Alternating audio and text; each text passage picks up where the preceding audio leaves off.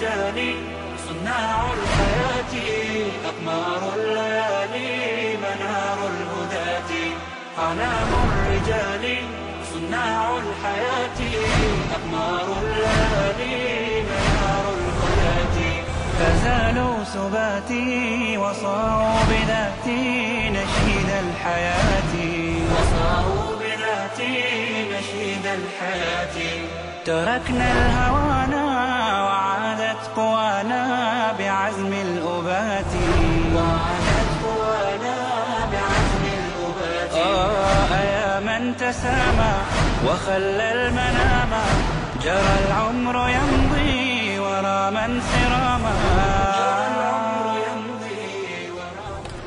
بسم الله الرحمن الرحيم إن الحمد لله نحمده ونستعينه ونستغفره ونعوذ بالله من شرور أنفسنا ومن سيئات أعمالنا من يهدي الله فلا مضل له ومن يضلل فلا هادي له أشهد أن لا إله إلا الله وأشهد أن محمدا عبده ورسوله وقال ربنا في كتابه كريم بعد أعوذ بالله من الشيطان الرجيم يا أيها الذين آمنوا اتقوا الله حق تقاته ولا تموتن إلا وأنتم مسلمون Zahvala pripada našem gospodaru Allahu Tebareke wa koga on te barek vetala uputi na pravi put zaista je upućen, a koga ostavi u zabudi neće mu naći nikoga ko će ga na pravi put uputiti.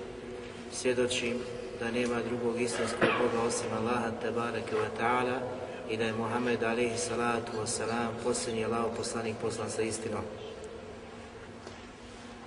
Nakon uvoda Assalamu alaikum wa rahmetullahi wa barakatuh.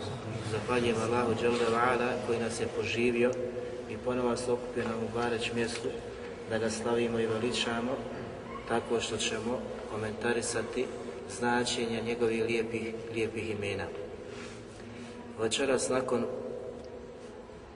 prošlih imena koje smo radili, a to je ime El Halik i El Halak, nastavit ćemo druga imena koja su u istom ajetu kojeg smo otpočeli prošli put. a prošli put smo spomenuli ajet iz sure al hashr 24. ajet. 24. ajet, gdje Allah Tebarek Kvetala kaže Wallahu l-Khaliq ul bari ul musawir On je Allah Khaliq, opisuje se nakon imena Allah sa imenom Al-Khaliq, nakon imena Khaliq Al-Bari l-Musawir El nakon toga El Musawir. To su tri imena sa kojima je gospodar sveta otpočeo ovaj ajet. Prošli smo put smo radili ta dva imena i kazali smo značenje. Večeras nastavljamo jer su povezana ova imena. I sva upućuju na stvaranje gospodara svjetova. Znači on kao stvoritelj opisan je ovim imenima. Prošli put smo kazali da u ovom ajetu Allahu ime El Halik kao tvorac, stvoritelj, ne uzima značenje stvoritelja, već onoga koji je odredio odredbu, a nakon toga on je El Bariju, koji je tu odredbu koji je predodredio, znači taj koji najljepše i iz ničega stvara. El Musawiru, onaj koji je odredio i najljepše stvara, odnosno čini da to postoji u svijetu postojanja, el musavir to što je stvorio i to što će se naći u svijetu postojanja, najljepši oblik toj stvari dao. I zato su povezane ova tri imena, el halik, el bari i el musavir. Dok smo isto tako ukazivali prošli put da nekada halik ili halaka u Kur'anu u većini slučajeva dolazi u značenju stvoriti. Znači stvoriti, a ne predodrijediti nešto. To smo prošli put detaljno, detaljno pojasnili. U jeziku elbariju ima značenje, odnosno više značenja. Prije svega, Ibn Arabi, rahimahullah, je kazao osloboditi se nečega, riješiti se nečega, zatim udaljiti se ili ima značenje iz poznate sure Taube, odreći se nečega. Kao što je gospodar svjetova odrekao koga? Mušrika sama sura početak govori Bara'etu min Allahi wa Rasuli. Allah Đelešanu daje obznanu.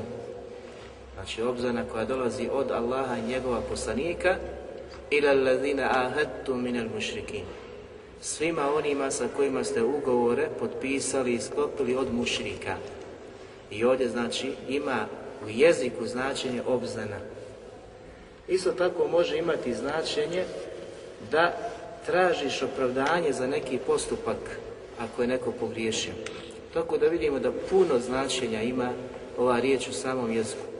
Ima jedno značenja da se opisuje čovjek da je on taj koji je bera izliječio se od određene bolesti. Znači ima i tu u jeziku, u jeziku značenja. I nama je jako bitno da poznajemo jezička značenja i nakon toga značenja kada se odnose na gospodara, gospodara svjetova. Uzet ćemo znači ukratko prvo ovo ime Elebari, zatim ćemo uzeti ime El Musawir, a nakon toga ćemo spomenuti plodove spoznaje imena El Hali, El Halak, El Bari, El Musawir. Pošto su znači kazali smo povezana imena međusobno. Allah Đelešanuhu je isto tako nazvao stvorenja u svojoj plemenitoj knjizi El Berije, El Berije, znači od ove riječi koja ukazuje značaj stvorenja. Kao što je došlo u ajtu Inna ladina amenu u amilu salihati ulaike ulaike hum hajrul berije. Oni koji budu vjerovali i dobra djela činili, znači pravi istinski vjernici, oni su najbolja stvorenja. Hajrul berije i niko se ne može sa njima poistoviješiti. Niko se ne može uporediti sa onima koji vjeruju i dobra djela čini. Kada Allah kažu kaže su najbolja stvorenja, su najbolji u svemu. U ponašanju, u odnosu, u ispovjedanju vjere, u rodbinskim vezama, u e, poštivanju roditelja, komšije, prijatelja, u svemu. Znači ne može se neko naći da se usporedi s takvim osobama. A sada je druga stvar koliko je ko od ovih vjernika spoznao spoznao sve ove osobine koje treba da ga kite i krase u životu, znači on dunjalčkom. Od Ebu Džuhejfe radi Allahanu se prenosi da su pitali Aliju radi Allahanu i ovdje odgovor šijama, rafidijama i svim onima koji smatraju da je Ali radi Allahanu i njegova porodca da su prikrili nešto od Kur'ana, da su prikrili nešto od onoga što je spušteno poslaniku sallallahu alihi ili onoga što smatraju da kod njih jedan dio Kur'ana. Znači upitanje Ali radi Allahu da li vi posjedujete kao porodca poslanika sallallahu alihi da li posjedujete nešto što drugi ljudi ne posjeduju. I u ih bježi Buhari. Znači upitanje direktno da li nešto znate što drugi ne znaju od ljudi. Da li posjedujete neki ajet, neki hadis, neki govor, neki komentar, što drugi ljudi ne posjeduju. Pa je Alija radi Allahu odgovorio rečenicom, a u toj rečenici je nama dokaz da u jeziku ima značenje stvoriti. Znači ova riječ, bera, da ima značenje u jeziku stvoriti. Pa kaže on, kale la, ne tako mi kaže onoga koji je učinio da se e, da se zrno jedno rascijepi. punije se znači moći gospodara to koji to daje i koji staje da to učini. Mhm. Zatim nastavlja pa kaže وَبَرَا نَسَمَ i onaj koji je stvorio stvorenja. I ovdje bera, znači halepa, stvoriti stvorenja, ljude, misli se na ljude sa dušom, dušom i tijelom. Vidimo znači da u jeziku ima dokazi stvoriti, s tim da je ovaj hadis znači dokaz odgovor svima onima koji smatraju da je Alija radijalanu i njegova porodica su nešto prikrili, tajili, pa da onaj Musab za koji govori Fatim i da je išao s koljina koljino krijući, da je negdje sada izašao na vidjelo gdje kažu da je to ostatak ovog Kur'ana kojeg mi imamo, a za njega tvrdi da je to trećina, trećina Kur'ana, da to nije kompletan Kur'an. A pa mi kažemo, utječemo od takvog govora koji je veliki zulum i nepravda, nepravda. Koliko se puta spominje ovo Allahove te bareke ta ime u Kuranu, bari spominje se na tri mjesta. Na tri mjesta. Spominje se, znači, jedan put u jednini, a ostalim mjestima došlo je, znači, u glagolskom, glagolskom obliku. Prije svega, znači, sura Haš 24. aj. Zatim u suri Dakar i Allah Tebare Kvetala kaže u 56. majetu za Musa je salam kada je jednoj prilike, znate, on bio odsutan od Benu Israila pa se vratio, znate koji da, obožavaju tele. Nakon toga im je kazao riječi fetubu, fetubu ila bari'ikum faktulu enfusakum zalikum hajru lekum inde bari'ikum. Vi se pokajte, fetubu, vi se pokajte kome? Vašem stvoritelju. vašem stvoritelju, zbog čega za one grije koji su činili, njihov grije koji su oni činili u tom trenutku je bio širk. Širk. E, vidjet ćemo, ovo malo pojasniti, iako nam znači nije tema to. E, pokajte se Allahu te bareke ve ta'ala, znači vašem stvoritelju koji vas je stvorio, fahtulu enfusekum i međusobno se pobijte. Naredba Allah te bareke ve ta'ala. Međusobno se pobijte. E, Musa alaih salatu wasalam među njima, gospodar svjetova naređuje im zbog grijeha kojeg su učinili, to je širk, koji je neoprostiv osim čovjek da se pokaje, pobijte se međusobno. Onda kaže, hajrun lekum. I to vam je bolje. Kod koga? Kod vašeg gospodara stvoritelja. U tefsiru se spominju govori prije svega Nesa i e, njegov, hadis koji je preuzeo od Ibn Abbas radi zatim Zuhri sa dobrim senedom, njegov govor, njegov lanac, zatim Imam Taberi spominje od Mujahida, od Said ibn da je Allah Đelešana da sve međusobno poubijaju i da je to bio šart njihove taube. Pored toga kad kažu Bože, mi se zaista kajemo i vraćamo za tebi i tebe kao stvoritelja obožavamo, bio je šart uz to da bi to, te riječi bile pri, e, prihvaćene kod Allaha Đelešanovu, da izađu i da se međusobno poubijaju. Pa kaže u predaji da su se svi odjedan put požuli da uzmu noževe što je bilo pri ruci i onda su se počeli ubijati, koliko koga stigne. U predaji Nabasa očevi su tražili sinove, sinovi su tražili očeve da ubiju. Svi koji su učestvovali u obožavanju kipa, znači teleta. Kad toliko su se ubijali, a u drugim predama, znači ko koga stigne, sve dok nije Musa, ali sam rekao dosta, a dao znak. Pa kaže, kada je dao znak, onda su počeli prebrojavati mrtve. 70.000 mrtvi je tada bilo. Sad možete znate kolika je nepravda kada čovjek učini šir gospodaru svjetova. Pogledajte kako je bio znači oblik pokajanja i teube u vremenu Musa a.s. za one koji su širk, širk činili. Zatim je gospodar svjetova objavio Musa a.s. da je to dovoljno što su oni učinili. I onda obavještava ovim predajama pošto su oni ga za ubijenim koliko ih je znači preselilo, pa je gospodar kazao nemojte žalostiti se za njima, svi su oni kod nas živi, kod Allaha te bare kvetala. A ovo je bio šrt da onaj koji je preselio, da mu je Allah Đelešanu oprostio, a onaj koji je učestvovao u borbi, želeći da bude ubijen ili da ubije, i njemu je gospodar svjetova, svjetova oprostio. Znači na kraju Allah Đelešanu završava petabe alijekum, i on je svima njima oprostio, Innahu Vabor rahim, a zaista je on taj koji mnogo prašta i koji je samilostan. Pa sad čovjek treba da razmisli u kakvu opasnost se zapušta onaj koji čini širk gospodaru svjetova, a s druge strane, onaj koji je počašen i od Allah te barek je tala odabran da ne čini širk, da je zaista istinski pravi vjernik i samo Allah te barek je robuje, koliko je sačuvan te velike, velike zaista opasnosti na Znači u ovim ajitima se spominje te bareke wa ta'ala ime. Kakvo je značenje kada se odnosi na Allah? Ibn Jarire Taberi kaže za El Bari da ima značenje onaj koji je stvorio stvorenja i učinio ih postojanim svojom moći, svojom snagom.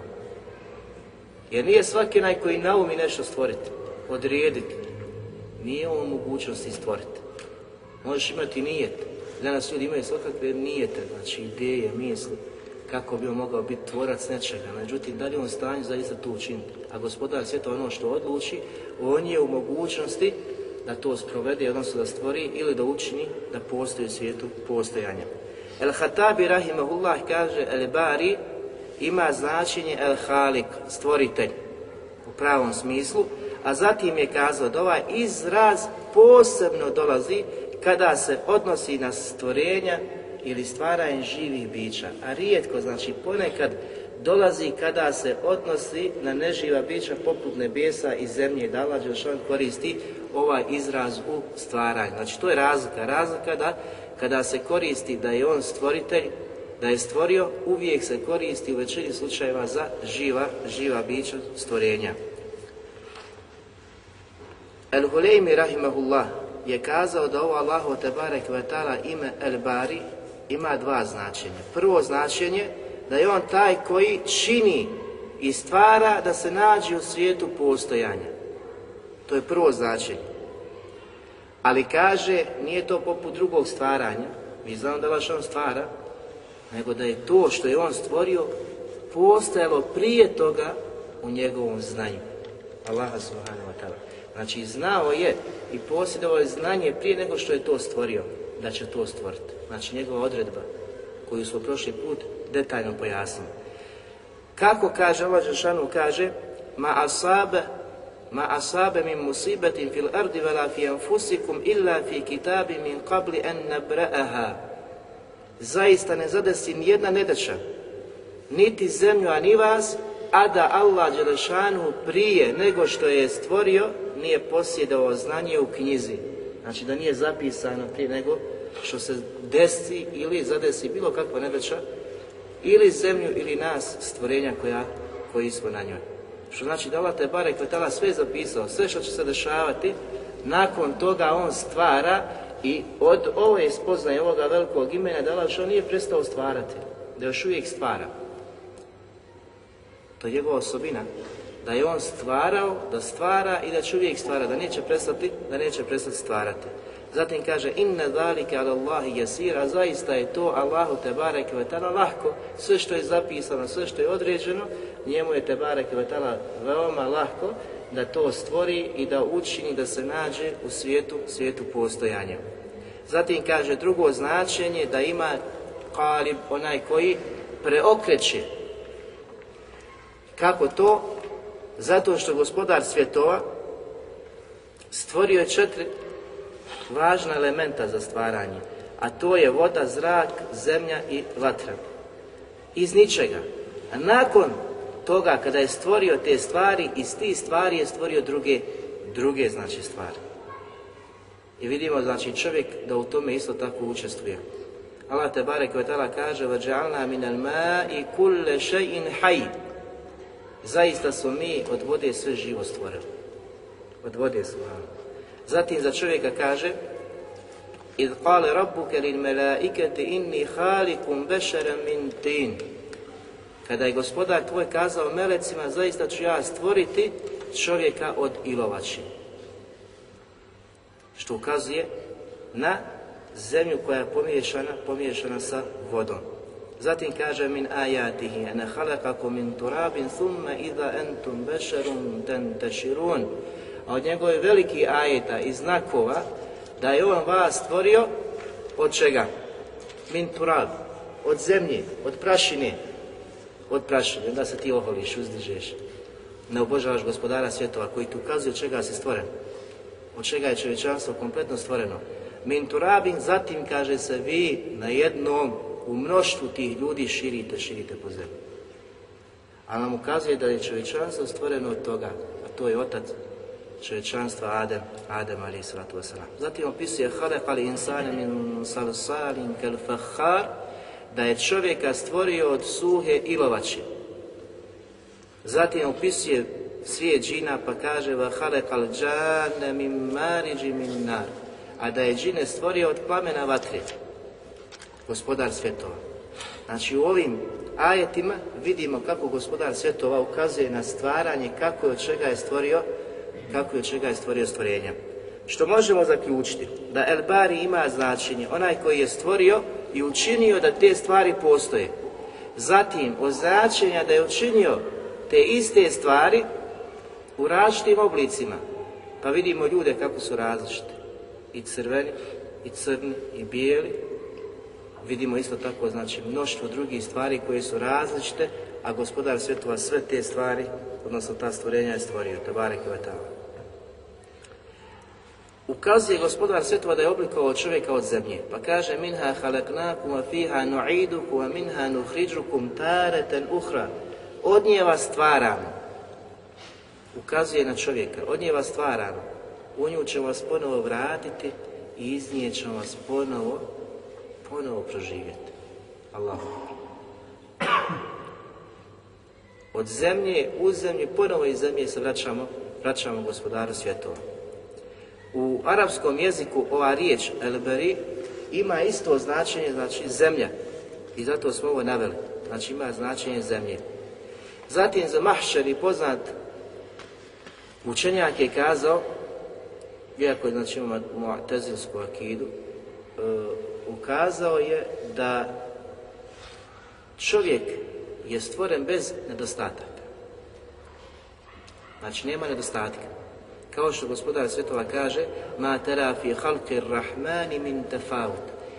Ti u stvaranju milostivog nećeš vidjeti nesklad. Znači sve je skladno, određeno i stvoreno. Ferđi ili besare hel min futura, ti ponovo pogledaj. Ponovo će ti se vratiti pogled i nećeš naći nedostatak. Međutim, postavlja se pitanje, Habibi, kako onda čovjek primjećuje da ljudi se nekada rode sa nedostacima, određenim nedostacima jer neko se rodite bez ruke, neko bez noge, ošećeni mozgom i puno drugih znači nedostataka. A Allah te bare vetala opisuje se kao milosti i da stvara skladno, da svemu skladno daje oblik. Kako čovjek da odgovori na ta pitanja? Mu'min ovdje zastaje, znači pravi iskreni vjernik mu'min, zastaje i ne ulazi u raspravu. Zbog čega? Zato što gospodar svjetova se opisuje da je on el-alim i el-hakim, da je on sve znajući, zna zbog čega stvara i kako stvara i El Hakim, da je on potpuno mudar u svom stvaranju. Zašto? Znači određene stvari na takav način stvara. A druga stvar, drugi odgovor je gospodar svjetlo, znači kazao u hadisu Kuciju, gdje kaže, o moji robovi, ja sam sam sebi zabranio nepravdu da činim. Pa sam je učinio zabranjenom između vas tako nemojte jednim drugima činiti nepravdu. Jeste razumijeli hadis? Znači, Allah Đelšan je nepravdu i ne čini nepravdu robovima svojim. I nama je zabranio. Tako da čovjek kada postaje pitanje zašto, kako gospodar, to se ne postavlja. Zašto? Zato što Allah kaže La yus'elu amma yef'alu wa hum On se ne pita, niti se traži od njega da odgovori zašto i kako, a oni će se biti pitani. Znači gospodar nema niko pravo da upita zašto, kako, zbog čega. Ovo su tri osnovne stvari, da je on el alim, el hakim, sveznajući i znači mudri u svom stvaranju, s druge strane da nikom ne čini nepravdu, u to vjeruješ čvrsto i četvrta stvar, da niko nema pravo pitati gospodara svjetova zašto, zašto to stvara tako. Određeni nedostaci, to je iz njegove mudrosti, zbog čega gospodar svjetova tako, tako znači stvara nikom znači ne čini nepravedno. Onaj koji postavi pitanje i počne da kori znači takvo stanje, takav znači treba se zapita za svoj iman i za taj teslim, vjerovanje u Allaha te barek vetala, njegov kada, njegov odredbu, određenje i njegovo savršenstvo u stvaranju. Allahu te barek vetala ime El Musawir. Onaj koji najljepše oblike daje. Ovdje ću imati jednu meselu znači jedno širijesko pitanje koje je jako bitno za danas, a to je slikanje. Jer u arapskom tesauvar ima značenje oblikovati, formirati, slikati, e, znači slikati likove. Kao što je svima vama poznat, zato ćemo spomenuti meselu iz ovoga širijesko pitanje, da li je dozvoljeno slikati. Da li je dozvoljeno slikati. Allah Đelešanu spominje ovo uzvišeno ime samo je na jednom mjestu u Kur'anu i to opet znači u ajetu sure Hašr 24. mjestu u jednini. Ali spominje znači u drugim oblicima kao glagolskim gdje kaže يُسَوِّرُكُمْ فِي الْأَرْحَامِ كَيْفَ On je taj koji vas oblikuje u matericama, onako kako on hoće. كَيْفَ يَشَا Znači Allah subhanahu wa ta'ala daje oblik kako hoće. Na kraju mi spomenuti kako dolazi do stvaranja čovjeka. Znači taj period koji je poslanik sallallahu alihi wasallam pojasnio. Zatim ajet وَلَقَدْ خَلَقْنَاكُمْ ثُمَّ سَوَرْنَاكُمْ Zaista smo vas mi stvorili, zatim svima vama oblik savršen dali. Pa kaže ثُمَّ قُلْنَا لِلْمَلَائِكَةِ سُجُدُوا لِآدَمَ فَسَجَدُوا إِلَّا إِبْلِيسَ لَمْ يَكُمْ مِنَ سَجِدِينَ Zaista smo vas mi stvorili, zatim vam savršene oblike dali, a nakon toga smo melecima kazali da seždu učine Ademu i svi su je učinili osim Iblisa koji je odbio da učini, da učini seždu. Zatim gospodar svjetova kaže وَسَوَّرَكُمْ فَأَحْسَنَ سُوَرَكُمْ وَإِلَيْهِ الْمَسِيرُ On vam daje oblike فَأَحْسَنَ سُوَرَكُمْ najljepše, najsavršenije oblike وَإِلَيْهِ الْمَسِيرُ a svi ćete se vi njemu nakon toga, nakon toga vratiti. I je kazao za ime El Musawir da ima značaj naj koji oblikuje, stvara kako on te bare kevetala želi. Zatim je prokomentarisao ajte i sure Infitar gdje Lašanu kaže Elezi halepake fe sauvake fe adelek fi eji sureti maša erekebek Znači on subhanahu wa ta'ala te stvorio, zatim te postojen čvrstim, skladnim učinio, i kaže, nakon toga je dao oblik tebi onakav kakav i on te bare kevetala htio ti da. Zato čovjek treba kaže, alhamdulillah, da se zahvali gospodaru kakav god da izgled ima. Jer je njegovo pravo da ti dadne onako kako on subhanu wa hoće. Zatim kaže, učinio te onakvom obliku u kakvom jesi. Jer je on, kaže, taj koji daje lik čovjeka da bude lijep, lijep, znači najizgled i ružan a kaže nekada u obliku nekoga iz tvog roda. Nekoga iz tvog roda, to vidimo da neko na nekoga liči. Ili kaže srodstva rodbine.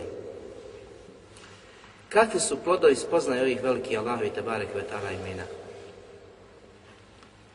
Prvi plod, da istinski vjernik, kada spozna Allaha Tebare Kvetala, da je on Halik, el halak da je on, znači, el bariju el musawir da je on stvoritelj, da je on taj koji stvara iz ničega, da svakoj stvari oblik savršen je, čovjek razmisli i promisli koliko stvorenja ima subhanahu. Koliko stvorenja ima. A sva ta stvorenja je gospodar stvorio. I šta će drugo osjetiti da mu se poveća iman, uspoznaji gospodara te bare koliko je moćan, koliko je snažan, koliki je kudret gospodara svjetova sve to savršeno tako stvori. Sada samo razmislite koliko danas ljudi ima, koliko planina ima, koliko rijeka ima, koliko mora ima, koliko ima živi i neživih bića. To tu imam poveća, jer nema drugog stvoritelja osim gospodara svjetova. A prošli put smo govorili kako su stvorena nebesa, kako su stvorena e, zemlja, zatim e, stvari na Dunjaluku, kako je gospodar svjetov, koliko znači dana je to sve, sve stvorio. Što naravno povećava iman u Allaha te bareke wa ta'ala, zatim dolazi do drugog zaključka, a to je da Allah ova stvorenja i ove planine i ova brda Nepovića i rijeke nije uzalo stvorio. Svaka ta stvar ima svoju svrhu, svaka stvar ima svoj cilj, a posebno cilj čovječanstva, ljudi, da nisu uzalo došli došli na ovaj svijet. Allah subhanahu wa ta'ala ukazuje pa kaže Allahu haliku kulli še'in wa vahidul qahhar Reci zaista je Allah stvoritelj svih stvari, a On je vahidul qahhar, jedini al qahhar koji svaku stvar pokorava. Pokoritelj, On kada hoće natira na što On želi subhanahu, subhanahu wa ta'ala. Zatim Allah Đelešanu kaže, ukazujući čovjeku Ko je? Odakle potiče? Šta je? Da li je imao spomen? Da li je nekad prije živio? Pa kaže subhanahu wa ta'ala El eta ala li insani hinu min dahri lem yakun shay'an madhkura. Zar čovjek se ne može prisjetiti i sjetiti ko je bio? Da li je ikakvog pomena bio rijedan Prije nego što se rodio, prije nego što si došao, ko te je spominjao? Gdje si bio zapisan? Koje je te nagovijeste ćeš ti doći? Ima li neko da te spominju? Niko. Allah te barek ve na jedan put odredio, učinio, onda se našao na ovom svijetu. Prije toga nisi bio nikakav spomin.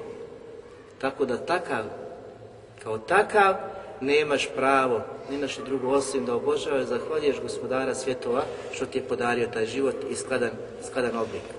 Zatim Allah Đelešanu ukazuje pa kaže Kedalik Allahu jahluku ma ješan. Ovo ukazuje upućuje da Allah stvara kako on hoće i da nikada nije prestao stvarati, da će još uvijek stvarati, zbog čega pa kaže i da kada emrem fa lehu kun fa A kada odredi neku stvar samo kaže budi i ona, i ona biva. Što znači gospodar kada hoće da odredi, da stvori, samo kaže kun, budi i ono biva i tako da gospodar još uvijek i nikada neće prestati stvarati. Znači nije Allah samo stvorio, nego on nije prestao stvarati, još uvijek stvara. I to je akida ehli suneta koja znači, mora biti u srcu jednog čovjeka. Zatim imamo sada meselu ovdje, tasvir, vidite u samom jeziku tasvir da ima samo jel, povezano. Ili sura, u arapskom se kaže sura za sliku, za lik. Velike su prijetnje došle u sunetu poslanika sallallahu alihi vseleme za sve one koji slikaju. Znači koji s rukom slikaju, zatim koji uklesuju ili na bilo kojem, ili u kamenu, ili na drvetu, na bilo koji drugi način. I radi se o liku, znači čovjeka stvorenja, ne radi se o prirodi. Znači prirodni, prirodne stvari, brda, neživa bića, to je dozvoljeno da čovjek ako hoće, ako ima potrebu za tim, znači da naslika, nema prepreke u tome. Ali je prijetnja došla za one koji slikaju stvorenja koja imaju ruha, koja imaju dušu. imaju dušu. Za takve koji slikaju došle su žestoke znači, prijetnje u hadisma koji su znači i kod Buharija i kod muslima, i u sudanima, mi ćemo spomenuti neke od tih, a to su privajati muslima. Aisha radi Allahna prenosi da je poslanik sallahu alihi vseleme došao jedne prilike u kuću, a ona kaže radi Allahna da je neku ostavu prekrila od vune, znači neko platno, prekrivač koji je bio od vune, na kojem su bile slike, Likom. Pa se je poslanik sallallahu alihi vseleme naljutio, kada je vidio to. Znači odmah se naljutio, odmah je reagovao, zatim je naredio da se to isjecka pa kaže nakon toga su napravili jedan ili dva jastuka. Kazavši, o Ajša, znaš li da će najžešću kaznu na sudnjem danu imati oni koji su imitirali Allahovo stvaranje, a to su slikari. Najžešću kaznu. Na kao da nema žešće kazne za osobe poput onih koji slikaju. A vidite, ovdje je došlo znači platno, zastor, na kojem su bile slike izvezene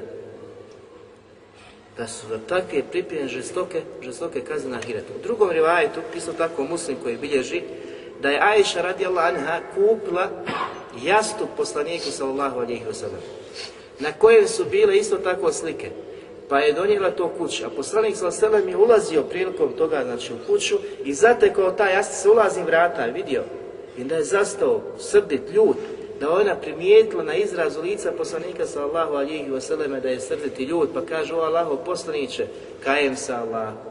Jasno. I kaže, zadovoljan sam kao sa poslanikom sallahu alihi vseleme, odazivam se njegovim naredbama, šta sam pogriješila? Pita, radi lana. Kaže, taj koji je naslikao lik na tom jasluku, kaj takav će imati najžešću kaznu na sudnjem, na sudnjem danu. Što znači da onaj, žestoka, žestoka je prijetnja svakom onome koji slika, jer neće ostati samo na tome. U rivajetu stoji, bit će rečeno takvoj osobi koja je naslikala, oživi to što si, što si naslikao. ali nisi u stanju da oživiš nešto manje. Kako ćeš oživjeti ono što si čita život slika? Ja sam samo jednoj slici, ste onaj koji je uposlen tim stvarima. Koliko stvari će biti naređeno da oživi što je velika prijetnja, velika žestina, zbog čega? To što u tome postoji imitiranje Allahovog Tebare Kvetala stvaranja. On je taj koji je stvoritelj i tvorac, ne postoji neko drugi. Tako pa ni u slikanju ne možeš imitirati niti je dozvoljeno. U trećoj predaji stoji da je neki čovjek došao na bas radi Albanu i tražio fetvu, širijsko pitanje po pitanju slikane. Kad ja sam slikar, ja slikam. Da li mi je to dozvoljeno? Znači, da li je dozvan slika? Pa ga Ibn Abbas Allah, znači ovo su onaj primjeri praktični iz života ashaba kako su usmjeravali. Pa ga je Ibn Abbas prima primakao sebi, redom mu priže, stavio ruku na glavu i onda mu je kazao, ja ću te obavijesti, kaže šta mi je poslanik sallallahu alihi vseleme kazao. A šta je poslanik kazao? je svaki slikar će u vatru. Allahu svaki slikar će u vatru. I ne samo to, kad je svakoj slici koju on naslikao, Allah Đelešanu će udahnuti dušu u džehennemu. I ta ista slika će ga, kaže, kažnjavati, kažnjavati, kažnjavati. Znači, velike, velike, strahovite prijetnje, prijetnje su došle. Pa na kraju završava, kaže, ako ti je nužda, kloni se, znači, ovih zabrana, slikaj drveće i kaže ono što nema, što nema duše. I to je rivajet muslima. Četvrti rivajet koji ćemo spomenuti od Ebu Zara radi Allahu da jedne prilike sa Ebu Hurerom ušao u kuću kod Mervana. Opet imamo znači način kako su inkarili, odnosno kako su ukazivali na e, stvari koje se kosi sa šarijatom, šarijatskim propisima. Pa kada je Ebu Hurer radijalan ušao, u, vidio je znači u kući da postoje određene slike. Zatim je kazao, kad čuo sam Allahova poslanika sallallahu alihi wasallam, a onda kaže Allah subhanahu wa ta'ala, ima li većeg nasilnika znači mali većeg nasilnika, od onoga koji mi nastoji imitirati u stvaranju, znači koji me nastoji imitirati u stvaranju. Ima li neko da je veći nasilnik od onoga koji me nastoji imitirati na, u, stvaranju? A šta je on vidio? Vidio je slike. I citira ovaj hadis dokazuje znači da je to imitiranje stvaranja kako je to gospodar Subhanahu wa ta'ala stvorio. Zato kaže neka stvorije mrava, kaže poslanik, o, poslanik Hadisu govoreći da la, neka stvorije znači mrava, a ako nisu mrava neka stvorije zrno pšenice ili ječma. Ibn Hajar u komentaru ovog hadisa kaže zašto je došlo zrle da je opisano da je to mrav, sičušni mrav, kao najmanje e, stvorenje koje je živo, koje ima pokrijete. Ako su zaista u stanju, evo jednog mrava sičušnog svoje nisu, pa je došao poslije toga, vi niste, znači tako osjećušno biće u stanju stvoriti, koji ima pokrete, onda stvorite nešto što je neživo, poput zrna pšenice ili ječmani, to nije stvar. Ko je to stvar? Niko. Znači to je sve u rukama gospodara svjetova. Što vidimo su jako žestoke prijetnje došle po pitanju, po pitanju oni koji slikaju. Zato imam vi kada govori, kada govori o propisu slikara i njihovi slika navodi tri govora poznata. Prvi govor kaže, oni koji uklesuju ili slikaju živa bića sa ciljem da se ta stvar obožava. Poput danas, subhanam, jel, svijet je prepun kipova, raznih oblika, kojeg su oni napravili isključivo sa nijetom da se njemu i bada čini. Kaže, nema sumnje s takvi nevjernici. I da će najžešću kaznu imati na ahiretu. To niko ne može sumnjati u to. Zatim kaže druga vrsta, oni koji isto tako prave likove uklesane na bilo ili kamene ili od drveta s nijetom da bi oponašali Allahovo stvaranje. Znači nije, nije obožavanje, nego nije da oponašaju Allaha u njegovom tebare kevetala stvaranje. Kaže, i oni isto tako su nevjernici, kjafiri, i njih čeka najžešća patnja, pa kaže, ljud se kažnjavati u džehennemu po znači većini njihovog oblika griješenja, kufra, nevijestva kojeg su imali pri sebi. To je druga kategorija. I treća kategorija, kako ima Nevi navodi, jeste da su to oni koji nisu stvorili lik, nisu ga nadstali, nisu ga da bi se obožavao, niti su ga uradili, učinili, da bi ona imitirali stvaranje Allah subhanahu wa ta'ala, nego čisto tako uradili. Kaže, oni su veliki griješnici. I zato će odgovarati i kad je takav postupak je veliki grijeh. Poput svi drugi ostali veliki grijeha, poput zinaluka, poput znači pijenja alkohola i ostali stvari. Znači koji su veliki grijesi. Sad vidimo znači koliko je opasno za one koji prave da bi se obožavali, za one koji imaju nije da se imitira i treći koji nemaju ni jedan ni drugi nije, nego čisto znači hobi ili posao da onaj crtaju, slikaju, kvesuju i slično tome. Znači nije samo naslikati na stijeni, u drvetu, već na papiru. A danas koliko je naše djece prinuđeno da ima likovnu i da crtaju likove, a kako šarija gleda, odnosno kakve su žestoke prijetnje došle za onoga koji crta. Zato svaki roditelj koji u mogućnosti u stanju treba da reaguje, da traži od profesora, nastavnika, učitelja da dijete se ne opterećuje tim, i da dijete ne prisiljavaju na to, već znači, znači da mu daju alternativu crtanje neživih, neživih stvari, neživih predmeta. Ovo je po pitanju slikanje rukom.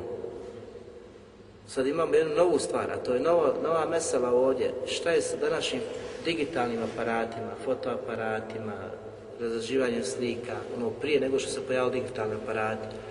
Prije svega, znači, kada se pojavili aparati i slikanje, svi veliki šehovi, svi veliki šehovi koji su znači, bili vodeći danas u svijetu, poput Šebinu Baza, Rahmetullah Ali, Ibn Sajmina i šeho Albanija, svi su oni to smatrali zabranjenim. S tim da e, Ibn Sajmin ima neke izuzetke. Oni koji su i naslijedili danas od Kibar, kada kažemo Kibar, veliki učenjaci, svi su na tahrimu, svi su na zabrani korištenja takvih aparata osim u deruri, osim kada ima čovjek veliku potrebu, nužnu, prinuđene, pa su dali izuzetke, lična karta, sa, e, saobraćajna vozačka, e, jel, neki od dokumenta koji je potreban da se izvadi kaže ako to se uslika za takvu stvar nema i nema grijeha i ne ulazi pod ovu prijetnju. S tim da šeju se mi ovdje drugu stvar pravi, on kaže to nije da im je kao derura i nužda, nego u osnovi to je dozvoljeno. U osnovi je dozvoljeno slikati i ne ulazi pod propis ovog slikanja rukom ne ulazi. Zbog čega on navodi primjer, znači čovjek koji priđe ogledalu pa slika, prenese se na ogledalo, pojavi se nad vodom i to. Znači da je to ono u istom e, obliku, nakon kakvom te gospodar te bare kvetala stvori, uopće se ti nisi znači unio da jel obrve crte lica i to unosiš i slikaš već jednim klikom prenese se slika, stvara slika onaka kakva je na tijelu. On kaže to je dozvoljno, nije derura. Međutim, postaje zabranjeno kada čovjek kakav nije tima, što će mu slika? Kaže, ako mu je slika, znači ovo še Ibn Sajmin govori, znači on se ovdje hilafe do i velikana u smislu oni su dozvolili samo u nuždi. On kaže, ne, ono je osobno dozvoljeno, ali je zabranjeno zbog onoga zbog čega se slika. Pa kaže, ako se čovjek slika, da bi onaj, da mu ostane u sjećanju, njegova svadba, njegovo neko veselje, jel, slavlje, kako bi to sliko da bi imao radi toga, kaže, zbog tog nijeta postaje mu zabrana. Zašto? Zato što onaj prvi šir koji je nastao u umetu e, je nastao nakon onih koji su uklesali dobre ljude da ih se sjećaju kada vide kao on je bio dobar pobožan, daj mi ćemo više činiti bar. Pa je ta generacija preselila, umrla došla su druga pokoljenja koja nisu i upamti po dobročinstvu, nego po onome da je neko i bade činio, da je od njih tražio, da su bili posljednici dovi to, pa onda nastao širk. Počeli su i obožavati. Tako da slika koja ti ostaje, niko ne garantije šta će ti rote, šta će ti dijete, šta će ostali uzeti kada počnu da oplakuju, a dobar je bio, kako je mašava Znači, zbog te stvari, zbog te stvari postaje zabranjen kod šeju semina. To kažem, ta, ti veliki učinjaci tako smatraju. Međutim, postoji drugi dio učenjaka koji podržavaju šeju semina u smislu znači da nema zabrane po pitanju slikanja, nego da je u osnovi to dozvoljeno i da čovjek ne treba pretjerivati. Da može znači uslikati određene stvari, nego ne treba samo da sad dođe i detaljše čovjeka slika 50 puta, sad ovako, sad onako. Znači, nego slika koja ti je interesantna, nešto što ti je putovanje, ideš negdje radi prisjećanje, sjećanje da usikaš, da ti ostane u sjećanju, da je čuvaš, da ne bude izložena na otvorenom u kući, jer u, u kući u kojoj se nađe slika, kako kaže poslanik sallallahu alejhi ve ne ulazi, ne ulazi melek. I ovo je znači ono ukratko po pitanju slikanja. A ono što je ispravno Allahu, Allahu alem, ja mislim da onaj što posebno kako danas se pojavljuju, znači sve veća, veća fitna iskušenja po pitanju svega ovoga, da u obliku, znači da je dozvoljeno slikati sa digitalnim aparatima, znači e, mobitelima i tim, da čovjek samo ne treba u tome prekoračiti granicu, odnosno pretjerati. Znači da je dozvoljeno da ne ulazi u propis ovog slikanja s rukom, jer ti tu ništa u stvari ne činiš, osim klik i ona slika kakva jeste, tu je. Čim ugasiš računar, ta slika nestaje. Jer mi znamo kako ti jedinica sastavljaju se slike. Znači nije slika poput one slike. Ni u hukmu njenog crtanja, slikanja, niti znači u njemu u, hukmu propisu čuvanja te iste slike. Nisu znači isti propisi vezani za jednu za drugu. S tim da še Albani Rahmetullah Ali, on smatra da kamera je gora i opasnija od samog slikanja, jer kaže tu su još veći detalji na tu su pokreti. Znači ovo njegovo mišljenje, Rahmetullah ali da on smatra da je još žešća zabrana za onoga koji snima sa kamerom. Poput, na primjer, onaj Jer se, kaže, prenose slike, znači pokrijete. Naravno, mi smo zaboravili spomenuti da je izuzetak između derure koja pojašnjava uh, pasoša, lične i toga, da ulaze aktivnosti daveske, da su učinili da je to derura i nužna, zbog znači dave i svega toga da ne vraća posla nešto. Poradivaju po strane. Zatim Allah Tebare Kvetala pojašava i ukazuje da je on stvoritelj svega što bi trebao da ulije i poveća ima u našim srcima jer kad čovjek razmisli o najvećim stvar, e, i Tebare Kvetala stvorenjima, to su nebesa i zemlja, treba da promisli, razmisli o veličini gospodara svjetova i njegovoj snazi. Allah Đelešanu kaže La halku samavati val ardi ekberu min halki nasi valakinna ekberen nasi la nebesa i zemlje su daleko veći, daleko veći od stvaranja ljudi. Ne mogu se porediti. Znači veličina stvaranja nebesa i zemlje i stvaranja ljudi, ali kaže većina ljudi, većina ljudi to ne zna. Zatim Allah Žešanu ukazuje da cilj postoji i da je cijel jasan zašto su ljudi stvoreni, zašto je čovječanstvo stvoreno, prije svega, prije nego što je ukazao na to, ukazao je da čovjek promisli i razmisli, da se zapita zašto je on tu, zašto smo mi danas ovdje. Allah što kaže, efe hasibtum ennema halaknakum abetham wa ennekum, wa ennekum ilina la turđa'un. Zar vi smatrate i mislite da ste uzalo stvoreni i da se nećete nama vratiti? Znači ovdje ukazuje i postavlja pitanje, zar smatrate, oni koji smatraju da su tek tako došli na ovaj svijet, da bi uživali, jeli, pili, na kraju nema obračuna, nema polaganja računa, nema proživljenja i da se nama nećete vratiti. Pa onda ukazuje svima onima koji tako misle pa kaže فَتَعَالَ اللَّهُ الْمَلِكُ Neka Allah visoki uzvišeni, visoko i čist od onoga što mu oni pripisuju, što kako misli, znači Melikul Hak, istinski vladar, neka je on takav koji je uzvišen, istinski vladar, čisto od onoga ono što on misli. Jer to nije istina, oni nisu za stvoreni, imaju cilj. Zatim kaže Allah šan, la ilaha illa hu, la ilaha illa rabbul aršil kerim. I zaista nema istinskog Boga koji je zaslužan da se obožava osim On. I On je gospodar plemenitog arša, znači plemenitog ili veličanstvenog arša, velikog arša, ukazuje na najveće svoje stvorenje, a to je njegov arš. A ispod arša su sva stvorenja, druga, što ukazuje na veličinu arša, a zatim na veličinu gospodara svjetova, koji je zaslužan da bude obožavan i da se samo njemu i bade čini. A u drugom mjestu, na drugom, e, znači, u drugom majetu Allah kaže وَمَا خَلَقْتُ الْجِنَّ إِلَّا لِيَعْبُدُونَ i nisam stvorio niti džine, niti ljude, osim da mi bade čini. To je svrha stvaranja. Da mu robujemo, da mu budemo poslužni, da slušamo njegove naredbe, da se njegovi zabrana klonimo. Zatim ukazuje pa kaže Ma uridu ir rizqin wa ma uridu en yut'imun. Ja oni ne tražim nikakav oblik riska, obskrbi. Niti želim da me oni hrani. Subhanu. Allah ne traži od tebe to. Traži badet A Posle, nakon toga ajta, potvrđuje da je on taj koji daje rizik. Pa kaže, inna Allahe huvar razaku dhul metin. A on, Allah te barek on je razak. On daje obskrbu. On te čini u životu, on te hrani, on brine o tebi. I on je znači taj koji je snažan i koji je jak. I nikomu tome ne može parirati. Takav je jedino zaslužio da mu i barem činimo, da ga pohvaljujemo, cijenimo, cijenimo i poštujemo.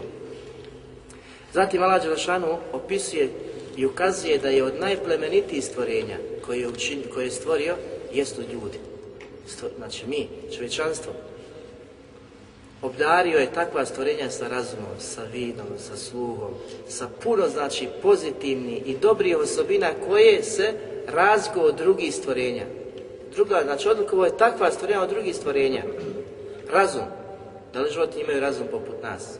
Da li imaju znači, volju da možeš odlučiti šta ćeš, kako ćeš, na koji način, da promisliš. Znači ne postoji, ali ljudi, čovječanstvo imaju to. I na to Allah Lošan ukazuje pa kaže وَلَقَدْ كَرَمْنَا بَنِي آدَمَ وَحَمَلْنَاهُمْ فِي الْبَرِّ وَالْبَحْرِ وَرَزَقْنَاهُ مِنَ الطَّيِّبَاتِ وَفَضَلْنَاهُمْ عَلَى كَثِيرٍ مِمَّا مِمَّنْ خَلَقْنَا Kaže mi smo počastili sinove Adamove, počastili smo ih čime? Pa znači opisuje, podario da mogu putovati i morom i kopnom. Možemo znači putovati i morem i kopnom. Zatim nam daj, kaže, obskrbu raznih jela, ukusnih jela. A to je on te bare kvetala koji se brinio na nama i koji znači to dalje. Zatim kaže, mi smo i odlikovali kao na drugim stvorenjima sa puno drugim pozitivnih osobina, pa kaže, mi mene halepna tefdila. O svih drugih znači osobina i stvorenja. Ukazuje koliko je znači dobar prema nama koliko nama želi dobro, čim nas je na takav način odlikovao na drugim stvorenjima. I zato čovjek treba biti zahvalan na tome. Zatim u drugom majtu kaže Allahu ladhi ja'ala al-arda qararan was-samaa was-samaa fa Allah mi kaže učinio zemlju prebivalištem na kojoj ćemo živjeti, na kojoj ćemo raditi, na kojoj ćemo imati veliku korist. A nebo zdanje, znači koje je učinio iznad, iznad nas. I on vam kaže, daje risk u obilju. Zatim vam je kaj je podario najljepše, najljepše oblike ljudima, čovječanstvu. Zatim kaže nakon toga Zalikum Allahu Rabbukum, to je vaš gospodar, istinski Bog koji trebate obožavati, fatebareke Allah i neka je veličanstven i uzvišen Allah subhanahu wa ta'ala Rabbul Alemin, gospodar svih svjetova. Ukazuje na posebne odlike čovječanstva, ljudi, zatim što je sve učinio, šta im je sve učinio i dao, nakon toga ukazuje da je on taj koji je to sve dao i da je on taj koji treba da se obožava, kojem trebamo seždu, seždu činimo. Na drugom mjestu kaže kad halekne li insane fi ahsani i Mi smo učinili ljude i stvorili ljude u najljepšem obliku. Znači, ljude ovdje izdvaja čovječanstvo da su oni dobili taj oblik i sklad koji niko od drugih stvorenja nije dobio poput znači njih. I u svim tim stvarima trebaju biti znakovi, treba biti ajeti za ljude koji razmišljaju, koji vjeruju. Allah šano kaže وَفِلْ ardi آيَاتٌ لِلْمُقِنِينَ Zaista su ajeti u svim znači stvarima zemlje koje je Allah stvorio, ajeti i znakovi za one koji vjeruju. I onda ukazuje na nas same pa kaže فِي أَنْفُسِكُمْ أَفَرَا تُبْصِرُونَ i u vama samima zar ne vidite, zar ne primjećujete. Allah da kaže, sve što je stvorio, sve što nas okružuje, sve što vidimo treba da nam bude ajet koji će nas posjetiti na gospodara svjetova, na stvoritelja toga koji je stvorio. I ne samo znači što nas okružuje od tist, nego i u nama samima. A o ovom ajetu smo mi govorili u onim imenima El Habir, El Sami, El Basir. tada radi je kazao kogod da razmisli, kaže, o svom vlastitom stvaranju, kako je stvoren, kaže, uvidjet će nakon tog razmišljanja da je svaki njegov organ, svaki njegov dio stvoren, da je valja čini gospodaru, gospodaru svjetova. Abdullah ibn Mesud radi Alanhu prenosi hadis od poslanika sallahu alihi veseleme koji govori o stvaranju čovjeka. Znači kako i na koji način se stvara čovjek. Pa kaže poslanik sallahu alihi veselem stvaranje čovjeka biva u utrobi majke, kako? U prvi 40 dana. Znači ovdje u hadisu poslanik sallallahu alijih wasallam će navesti tri perioda, tri etape kroz koje čovjek prolazi prilikom stvaranja. Prvi 40 dana je nutfe, kap sjemena. Zatim nakon tih 40 dana dolazi drugi 40 dana u kojima čovjek dobiva znači oblik onaj, zakvačke alaka, znači nešto što se zakvači, posle tih 40 dana dolazi novi 40 dana i ukupno je 120 dana. Treći dio je mudga.